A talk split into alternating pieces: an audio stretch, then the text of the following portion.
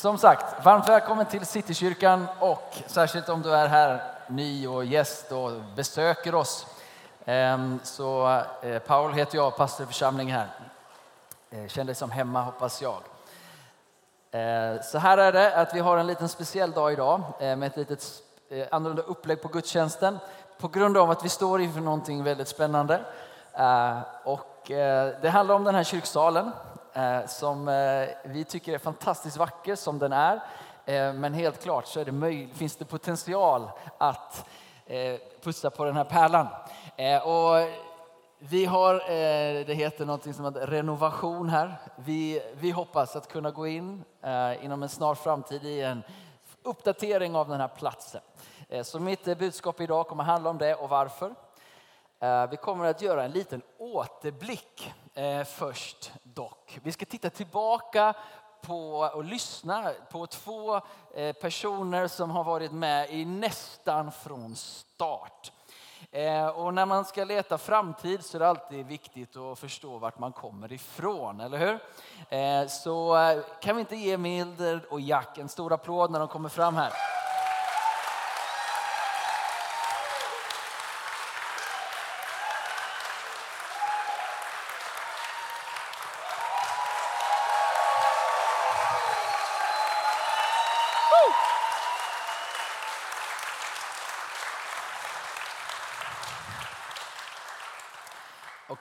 Eh, så här är det att, ehm, nu är micken på. Eh, jag har tre frågor till, till er. För jag, och jag tänker att vi ska få, vi kan ju inte hålla på så länge. Det här skulle kunna ta en hel eftermiddag och det skulle vara superintressant hela tiden. Eh, för det finns så mycket att berätta. Men det ryktas, det berättas för mig att när man köpte det här huset så var det ett enormt självuppoffrande gäng som gjorde det möjligt. Kan inte ni berätta lite vad ni har hört och vad ni har fått med er om hur det var möjligt att en liten pingstförsamling kunde köpa Fenixpalatset? Vem börjar?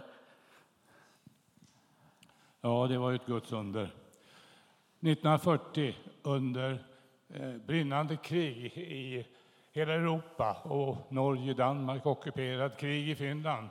Och så är det här till salu, ett nöjespalats mitt i Stockholm. Och 259 människor upplever att ska vi köpa Fenixpalatset? Det var ju en omöjlighet egentligen. Utav de här 259 som grundade församlingen så var en ganska stor grupp, det hette tidigare Östermalms fria församling, det var en grupp kvinnor som jobbade i lite fina familjer som hembiträden på Östermalm. Jag kan tänka mig att många av dem tjänade inte särskilt mycket pengar. Och vi, vi är rätt så gamla. Vi har alltså växt upp med dem som köpte det här huset. Vi känner de människorna som köpte det här huset. Vi växte upp med dem. Och vi har hört sedan vi var små. Vi var småungar när, när våra föräldrar kom med i den här kyrkan. Och eh, man berättade då att istället för att åka spårvagn, det gick mycket spårvagn i Stockholm förr i världen, och buss, kunde man så gick man hit och stoppade några ören, vad det nu kostar, i kollektboxen. Och att det här funkar överhuvudtaget, det var att man hade bestämt sig, det var ett mål, att alla gick tillsammans och kämpade för det här. Och det var inte bara någon fix idé, utan givetvis så hade man förankrat det verkligen i bön innan man vågade sig på.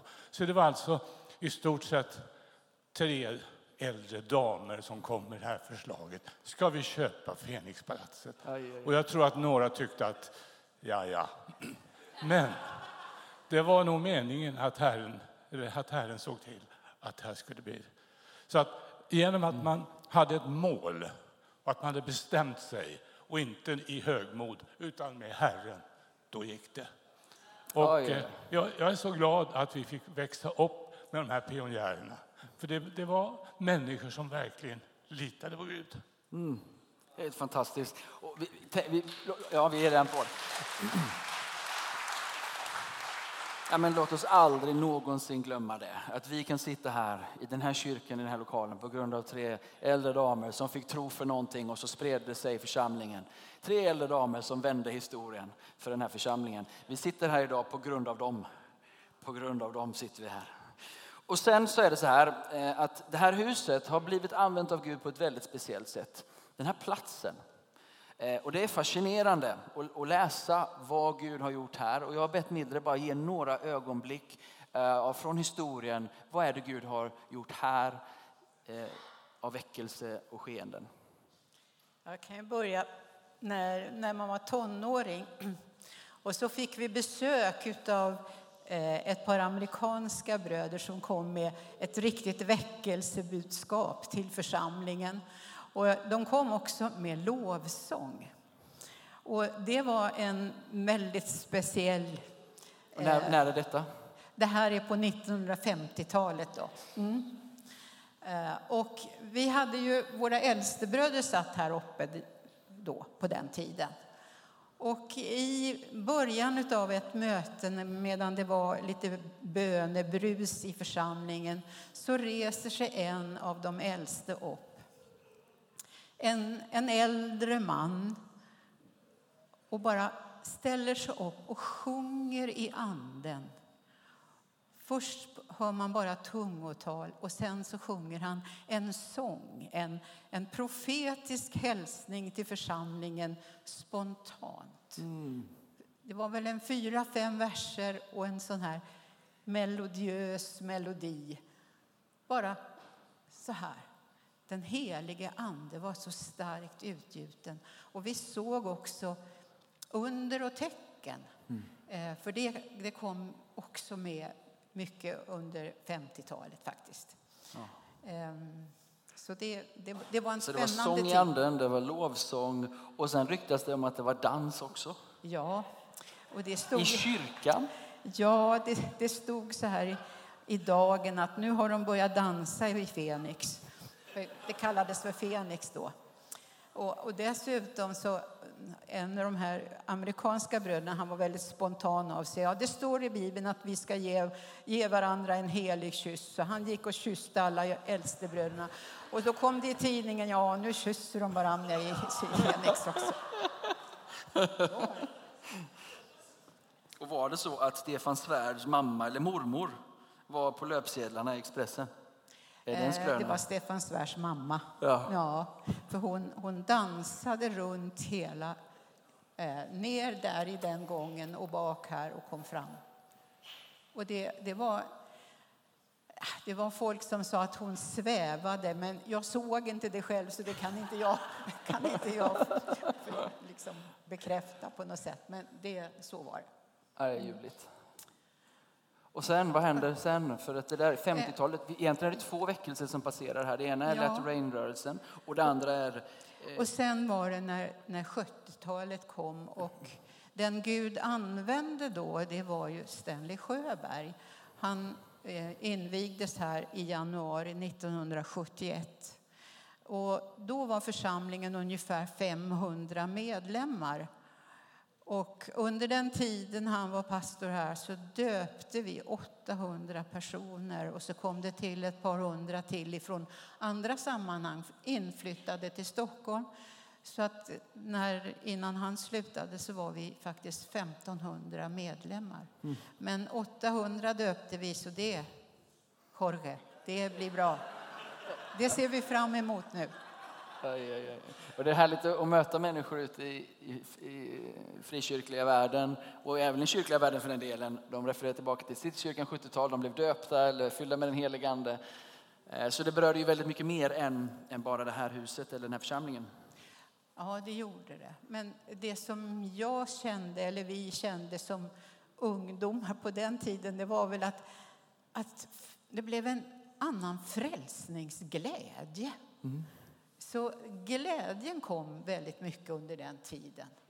Och det, när man får glädje så får man energi och i den energin så skedde det väldigt mycket. Mm.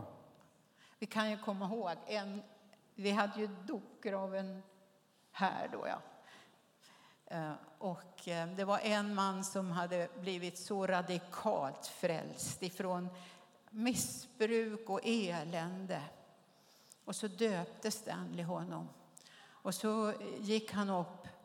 Eh, och sen steg han upp på trappstegen och så hoppade han i igen för han sa det här var så härligt så jag måste få göra det en gång till. Ja, det är bra. Ja, det var ganska mycket spontanitet. Dubbel välsignelse Ja. på den karln. Det gick säkert åt. Ehm, Men eh, precis. Eh, Men du, du berör lovsång. Det är ganska intressant ändå. Eh, Och, och för att det är ju någonting som sker i det här huset nu om du inte märkte. Eh, Men det är ju att tillbedjan och lovsång tar fart och det händer någonting när vi gör detta. Ja, Stanley på, på, mm, liksom, påpekade ofta att lovsången är oerhört viktig. Och jag lyssnade på ett band för bara någon vecka sedan när hans bror var här och höll ett bibelstudium och då, då sjöng de lovsånger och han fick väl inte igång lovsången tillräckligt mycket i sin smak. Så, han- så han sa att det här är viktigt, förstår ni, det här är viktigt. Och nu är det nog dags att vi pensionerar segertoner. Så det, det, det fick vi höra. Det 1983. var 70-talet. 70-talet till och med. Ja, du ser. Men, men det går faktiskt tillbaka längre än så. För jag, du läste någonting häromdagen för mig. ehm, som är ganska... Jag, jag kollade här. Den här första gruppen nu, de här 259 som satsade så hårt. Jag hittade, de hade en sångvers som jag hittade. Den här sjöng de som någon slags fältrop gång på gång på gång när de satte igång det här stora projektet. Inga portar kunna stängas för det folk som fruktar Gud. Fram vi går och hindren sprängas under bön och lovsångsljud. Yeah!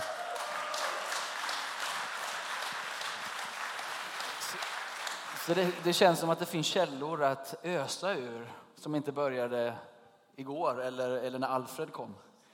Eh, utan eh, det, det går lite längre tillbaka i tiden. Det är skönt Alfred. Eh, men eh, vad- när ni ser det här idag och när ni, vad ni, vad, tonen och liksom vad, vad är er eh, reflektion eller vad, vad känner ni i era hjärtan? Ja, det, ja, det är bara att titta ut här. Va? Alla unga människor, alla ungdomar, unga vuxna. Vilken framtid vi har, hörni. Det, det är helt fantastiskt. Det berör mig väldigt djupt att se er alla unga. Väldigt djupt. Vad vill ni säga till de, till, till de äldre, vill säga, men de som inte känner sig som unga vuxna? Då? Jag ser er också. Det, det var det jag tänkte på. Ja. ja, vi kompletterar varandra. Ni som har blivit lite längre än, kommit lite längre än unga vuxna och som är mogna människor. Där fick ni. Ja, som vi eh, gör som Jesus. Han gjorde bara det som fadern, han såg Fadern göra. Ja. För då håller ni över tid. Och det, det är till er unga kanske speciellt. Tänk på det. Gör det som Jesus gjorde. Han gjorde bara det han såg Fadern göra. Det är så lätt att man blir ivrig och, och gör mer än vad man ska. Och då, då tappar man kraft. Men gör, håll, håll ut och var med och sätt skuldran till för det är härligt att jobba i Guds rike. Så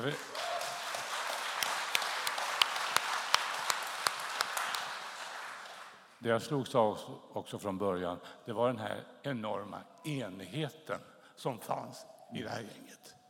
Man hade alltså ett mål. Vi ska köpa det här huset. Och man bad till Gud, man satsade allt. Och det var inga diskussioner eller någonting, utan det här gänget ville köpa det här huset och man bad Gud om hjälp.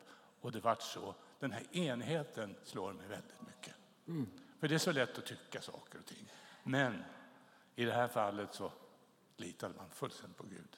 Och så en, en grej till. Vi som är lite äldre så här och alla er unga som jag säger. Det känns så kul. Ni är så härliga. Det är så kul att ni finns. Och det är så kul att morsa på er och hälsa på er. Och känna det här tillbaka. Ni är så härliga. Underbart. Tack ska ni ha, Jack och Mildred. Låt dem stå för en generation som har gått före. Vi, vi, vi hedrar det som har varit och vi tackar Gud för det. Vi välsignar er.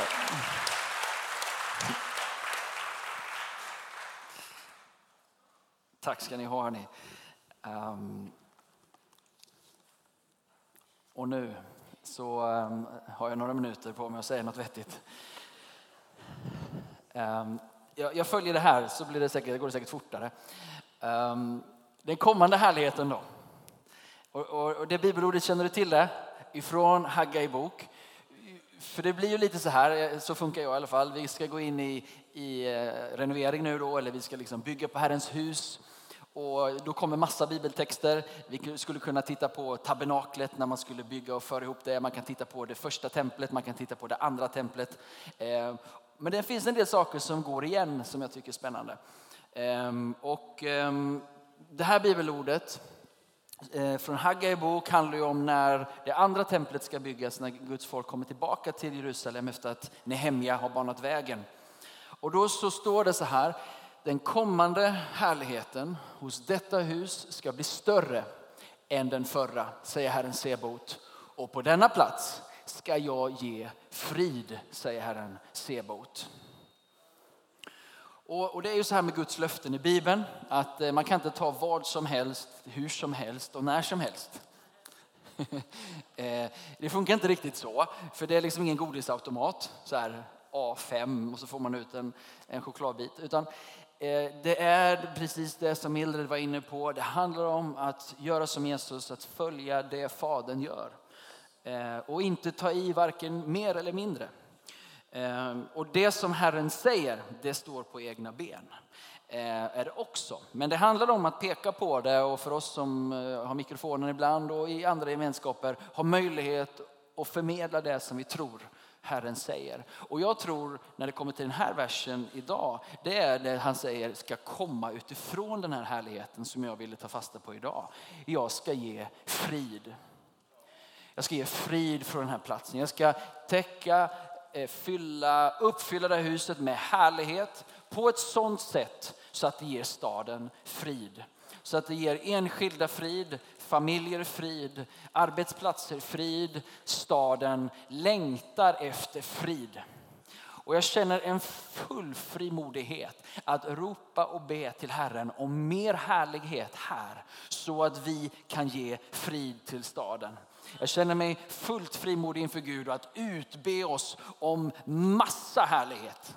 Att längta efter dubbel härlighet. Att en, en härlighet som överträffar tidigare generationer. Det handlar inte om att överglänsa Stanley Sjöbergs dagar. Det handlar om att ge frid till staden. Det handlar om att möta den här stadens yttersta behov just nu. Och den här staden ropar efter frid. För det är det minsta man har av just nu. Så vi ropar efter Guds härlighet och vi, vi längtar att se den, eh, det skeendet som, som Nya Testamentet ger oss från eh, andra Korintierbrevet kapitel 3 och vers 18. Där det står att vi ska få skåda Herrens ansikte som i en spegel. Och när vi gör det så förvandlas vi och vi går från vi går från härlighet till, till härlighet. Och därför så är de här sångerna som vi sjunger ibland, det bästa ligger framför oss. Sant. För vi är kallade att gå inte från härlighet till besvärlighet. Ibland är det så först, men sen går det till härlighet. Ibland är det härlighet till besvärlighet till härlighet och det vet vi att livet är sånt. Men blicken är alltid på det kommande, den härlighet som han har lovat oss. Amen. Så när vi går in i kyrksalsrenovering och när vi går in i den fasen, då är det på blicken av hans härlighet som ska få fylla det här huset än mer. Än mer fylla det här huset med härlighet så att vi kan ge vad då?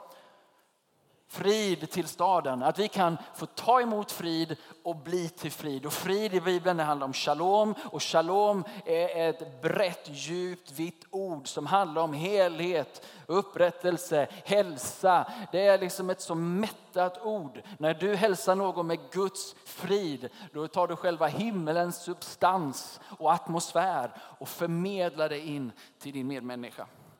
Guds härlighet ska fylla det här huset. Det var fem minuter. Gud välsigne mig. Och så vidare. Okej, den andra berättelsen som jag vill knyta an till har med templets, det första templets byggande. Och det finns en intressant princip där eh, som jag tror har med vår, vår process att göra. Ehm, och det är inte bara, det, det där är eh, faktiskt det som kommer av det. Men är du lite ny för Bibeln så eh, eh kan jag inte ge hela storyn här riktigt. Men kung David känner du säkert till. Han hade fått på sitt hjärta att bygga ett hus till Herrens altare, tabernaklet och hennes närvaro. Gud säger, ah, -uh, det är inte för dig att göra. Eh, det är för din son att göra. Det är för nästa generation att göra. Eh, så, så tanken var god men tajmingen var inte helt korrekt. Så han David, och det är det här som är så intressant och jag tror att det ligger någonting av vad Gud vill väcka i oss. För David gör något väldigt intressant då. Det är att han börjar förbereda. Han börjar samla sina skatter. Han börjar samla sitt guld. Och han drar ihop alltihopa, 90 ton guld, 30 miljarder kronor. Han ger hela sin kassa rakt in i vad då? I någon annans knä, i någon annans generation, i en generation som ska komma. Det handlar om någon annan. Han gav i sitt överflöd till andra. David gjorde det. Ledarna som sen han pratade med hövdingen för familjerna, de gjorde samma sak och gav 150 ton och 45 miljarder och såg till att nästa generation hade vad de behövde för att göra det de skulle göra.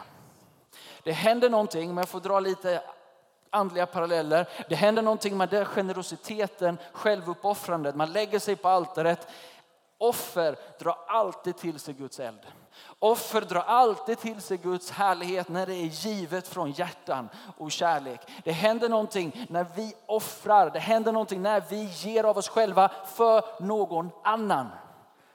När vi sår in i nästa skeende, då händer någonting. Vi öppnar upp himmelens välsignelse. För Bibeln säger att den som sår rikligt ska skörda rikligt. Och nu handlar det inte om din plånbok, utan det handlar om nästa generation.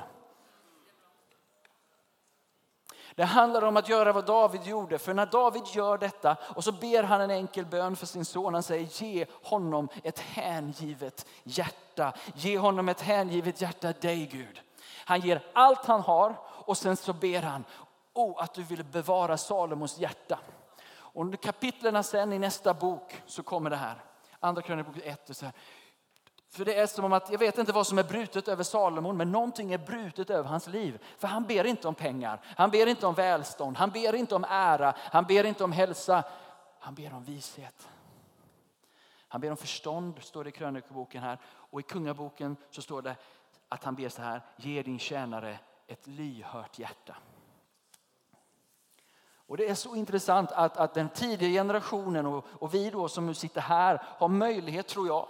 Jag tror att Gud har en, jag tror att Gud verkar i det fysiska. Jag tror inte att han bor i det fysiska. Men jag tror att de fysiska skeendena har med andliga skeenden att göra. Eh, det finns kopplingar här. Men vad som händer när David ger så frigör han Salomo att be en annan bön. Lite, vad ska man säga? Jag, Ja, men jag, jag, jag, skulle kunna underlägga det mer, belägga det mer. Men, men det finns någonting som handlar om när vi frigör oss själva från mammon, från pengar och från det jagiska, själviska och börjar ge. Det attraherar Guds rike. Den kan du hålla med om i alla fall. Det gör någonting med dynamiken. Det gör att våra barn kan be andra böner. Det gör att de bibelskoleelever som sitter kan, kan be andra böner än bara bröd för dagen. Därför att det finns en annan generation som har brutit någonting i anden.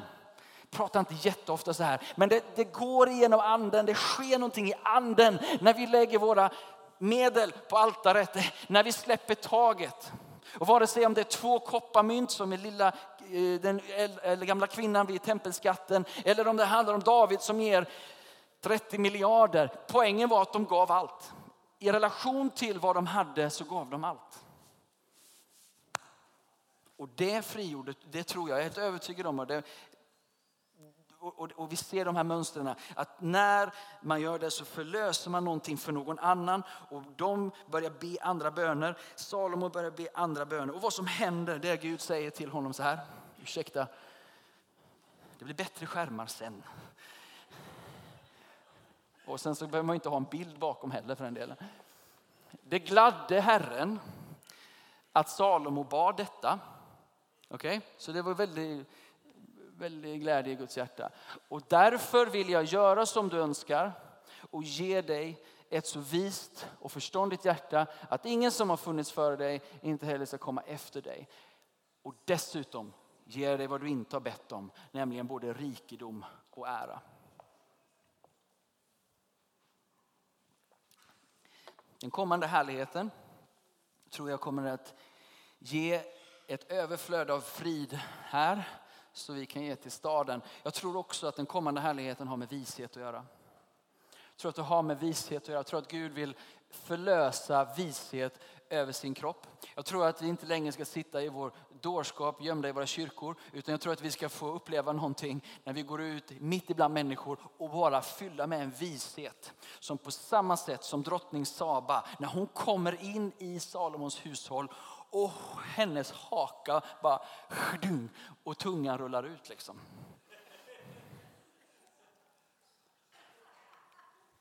Jag hade hört om mycket, men det var mer än jag någonsin kunde föreställa mig. En härlighet som förkroppsligas, synliggörs genom sitt folk här inne, men framförallt där ute. Det här huset ska få vara en, någon mån en reflektion och en början på någonting. Men det är inte här inne det ska hända, det är där ute det ska hända.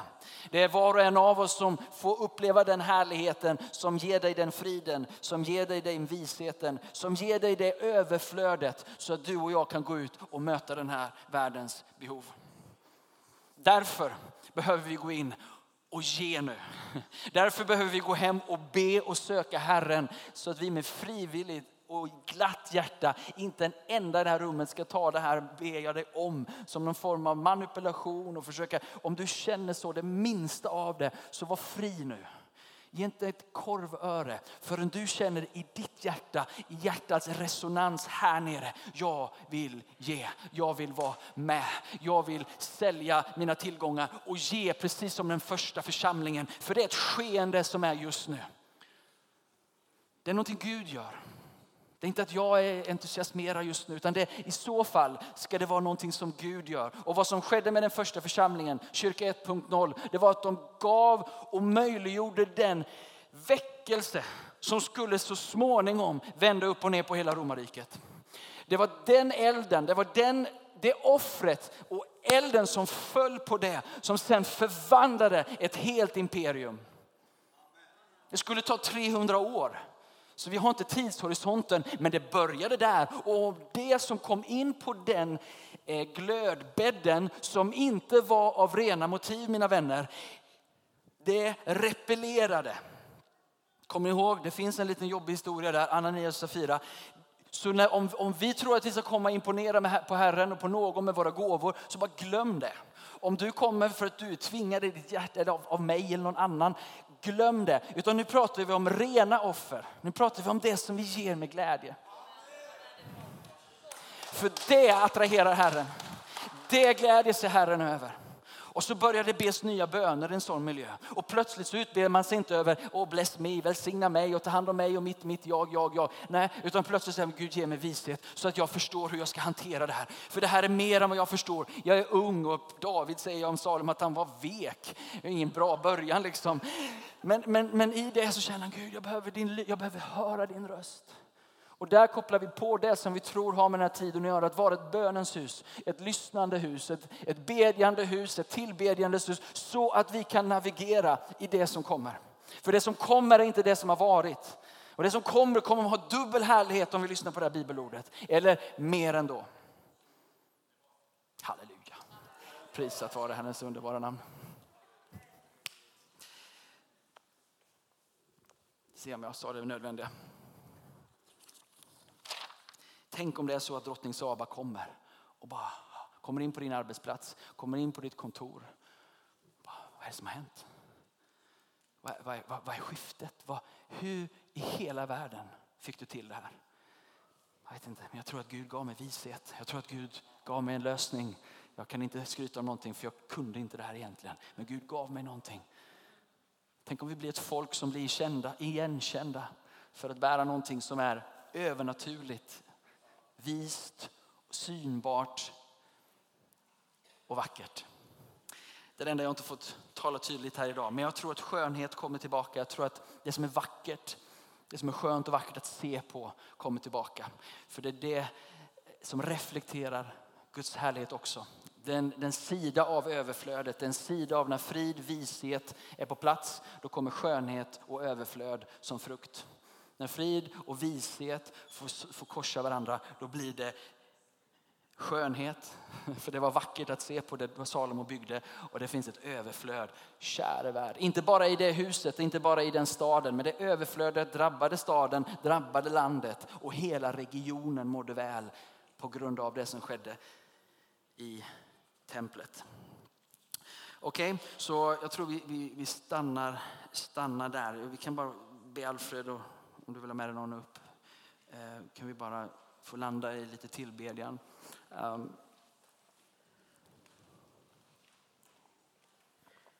Så den underliggande tanken i det här, två saker som jag försöker måla, det är den härlighet, den kommande härligheten och dess ehm, frukt, eller det som blir givet av frid, av vishet som synliggörs genom skönhet och överflöd. Ehm, men det är en, en princip av sådd och skörd i det här. Eh, som inte handlar om att, att Herren, det handlar inte primärt om att fylla din kassa. Utan det handlar om att, att sätta en generation fri. Är du med mig? Några, några, någon, en minut till bara. Att, att när vi sår rikligt så får vi skörda rikligt. Och vi ska få vara med och skörda rikligt. Vi ska få vara med och se vishet, vishet som blir frigjord i en ung generation. Vi ska få se vishet som bara vi känner oss som dårar, vi som börjar få lite grått hår och så vidare. Vi känner att här, här händer någonting som jag inte hade access till. Som vi kan få vara med och välsigna, som vi kan få vara en del av också. Men det händer någonting i den här skörden, en ung generation, nya människor som kommer utifrån som inte känner Jesus, börjar känna Jesus och får möta den här visheten. Skörden är den kommande härligheten, kommer att gå från härlighet till härlighet. Det är inte bara ett skeende som kommer och dör ut utan det är någonting som har en progression, någonting som går från härlighet, möjligtvis till besvärlighet ibland, men har alltid härlighet som frukt. Vi är på väg in i det. Och det kommer inte stanna här inne. Utan det ska ut över vår stad och över vårt land. Vi ber frimodigt om er härlighet din härlighet Gud, din närvaro, Jesus här, så att friden kan bli stor i staden. Så att detta elände, gängkriminalitet och bråk, tänk om vi fick se en lösning på detta. Jag blev så glad när jag hörde Sebbe Staxet berätta i veckan här hur, hur två stycken gäng, grova kriminella fick ta emot Jesus så fick han döpa en av dem. Och det, det händer precis nu i vår stad. Samtidigt som kaos och kris så, så växer Guds härlighet fram i den här staden. Och jag tror vi bjuds in att vara med. Ska vi stå upp tillsammans? Hörni?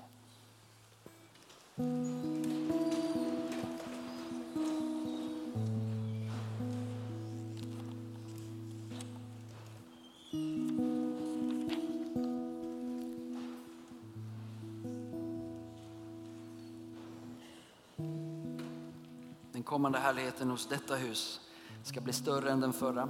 Vi ska inte glömma den förra. Vi ska inte glömma de som har gått före. Vi inspireras av deras pionjäranda. Tre äldre damer som såg någonting. Vi är så tacksamma för de som har gått före. Vi är så tacksamma för Abrahams generationen.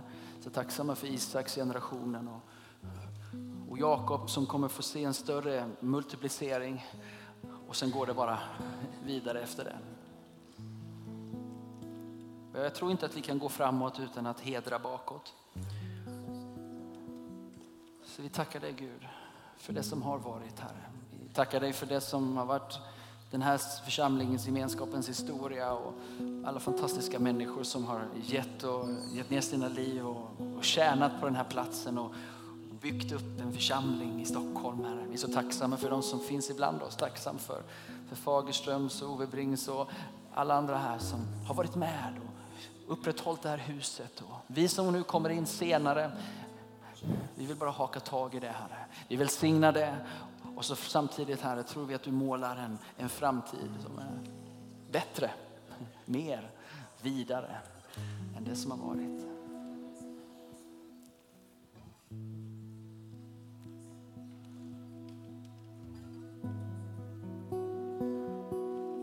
Så vi ber om din härlighet Gud. Kom med din härlighet till den här platsen, fyll den här platsen.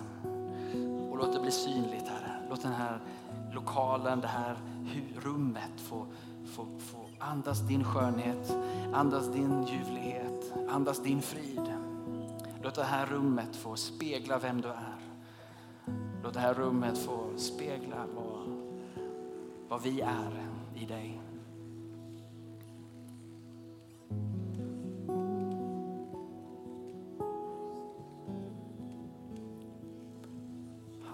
Tror bara att vi, vi tillber i den här atmosfären en liten stund. Och sen kommer vi att ha en liten paus och sen så kommer vi fortsätta ha församlingsmöte här inne.